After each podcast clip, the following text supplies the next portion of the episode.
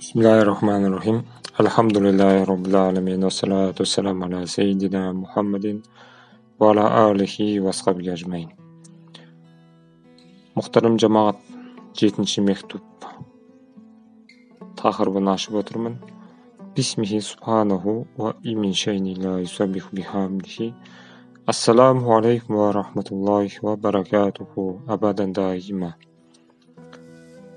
Qымбатты бауырларым, менен сұрасын деп Шамлы Хафызға екі нәрсе айтқан екенсіздер. Біріншісі, Хазіреті пайғамбарымыздың саллаллаху алейхи уассалам Зейнепке үйленуі.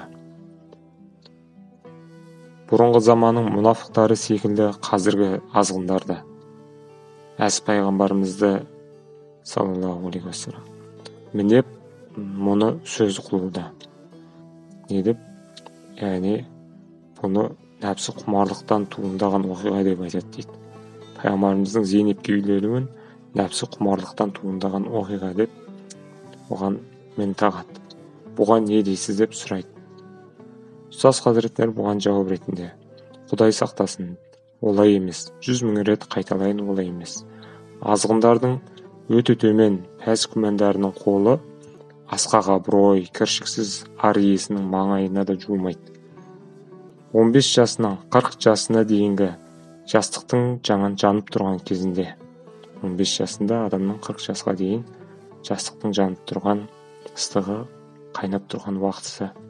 Нәпсінің әуестігі басым шақта дош дұшпанға мәлім. Абыройлы да бейкүнә ғұмыр кешіп хадишатун кубра радиаллаху анха. Анамыздай жасы ұлғайған бір ғана әйелге қанағат еткен кісінің саллаллаху алейхи қырықтан кейін яғни нәпсінің әуестігі басылған кезде көп әйелмен некелесуі нәпсі құмарлықтан емес басқа маңызды хикметтерге байланысты екені айдан анық. Бұл аз ғана нысаппен қараған жанның көзі жетерліктей дәлел осы хикметтердің бірі де мынау. Пайғамбарымыздың сөздері де әрекеттері де хал ахуалы да діннің іргесін қалайтын қайнар көзі. Шариғат үкімдерінің негізі болып табылады. Бұлардың жұртқа белгілі жақтарын жеткізуді түсіндіруді сахабалар мойнына алған болса жеке өмірдегі көпшілікке ашық айтыла бермейтін ерекше жағдайларды шариғат үкімдерін түсіндіріп таныстыруды да пайғамбарымыздың саллаллаху алейхи вассалам пәк жұбайлары өз мойындарына алған еді. Яғни пайғамбарымыз саллаллаху алейхи вассаламның пәк жұбайлары дініміздің жеке өмірге қатысты отбасылық жағдайдағы нәзік үкімдерінің жартысына жуығын сол кісілер жеткізіп отырған еді.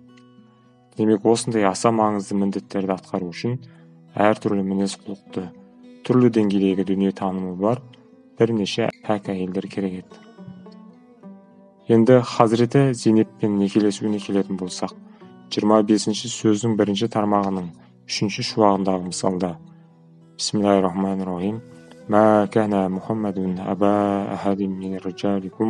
уәләкин расулуллахи уа хатаман набиина.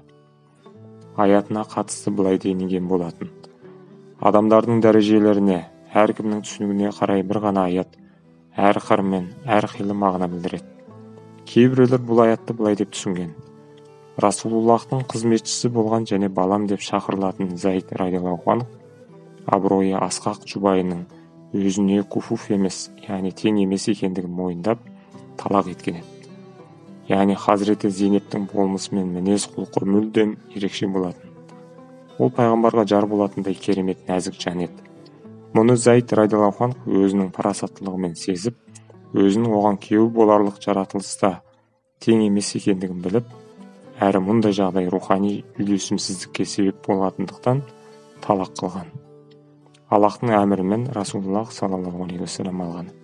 Яғни аятының ишара етуімен бұл неке көктен түскен келісім шарт екендігі нақтылана түседі бұл әдеттен тыс оқиға үйреншікті әдет ғұрыптан әлдеқайда жоғары тағдырдың үкімі болатын расулаллах саллаллаху алейхи вассалам сол тағдырдың үкіміне мойынсұнуға мәжбүр еді нәпсінің қалауымен болған жоқ тағдырдың бұл шешімі өте маңызды бір шариғи үкімді жалпыға ортақ бір хикметті ауқымы кең бұқаралық мәселені қамтиды бисмиллахи рахмани рахим لكي لا يكون على المؤمنين حرج في أزواج أدعيائهم аятының ишараты бойынша үлкендердің кішілерге балам деуі шариғаттағы зықар мәселесіндегі өз жұбайына сен анам сияқтысың десе әйелінің оған харам болып кететін сияқты емес яғни үкім жүріп кетпейді сондай ақ ұлы тұлғалардың да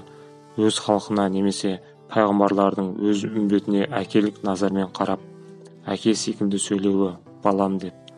Жеке адам тұрғысынан емес рисалет уәзипасы яғни пайғамбарлық міндеті тұрғысынан болғандықтан өз үмбетінен әйел алуының ешқандай үйлесімсіз жағы жоқ. Енді ой өрісінің деңгейі басқа адамдар мұны былай түсінеді. Бір ұлы әмірші халқына әкедей қамқор болады. Егер сол әмірші ішкі сыртқы істердің бәрін білетін рухани көсем патша болса онда оның қамқорлығы әкелік қамқорлықтан жүз есе асып түседі. Сондықтан халқы оның өз баласындай болып оған әкесіндей қарайды. Халқының әкеміз деуі кеу деген мағынаға ауыса қоймайды. Және қызым деп қарау жұбайым деп қарауға бірден өзгере салмайтыны анық. сондуктан халықтың назарында пайгамбардын пайғамбардың муминдердің қыздарымен некелесуі осы көзқарасқа жат келетиндиктен бул түшүнүктү жоюу максатында куран құран дейт. Пайгамбар пайғамбар рахымдылык аты менен сендерге камкорлук этип акедей мээримдик этет. Рсаят тургусунан сендер онун балалары сыяктысыңдар бирок кісілік жеке тулгалык жагынан ол сендердин акелериң эмес. Сендерден әйел алуында тұрған еш нәрсе жоқ орынды сендерді балам десе де шариғат үкіміне қарай сендер оның баласы болып саналмайсыңдар. Әл бақи хуәл бақи сайт нұрси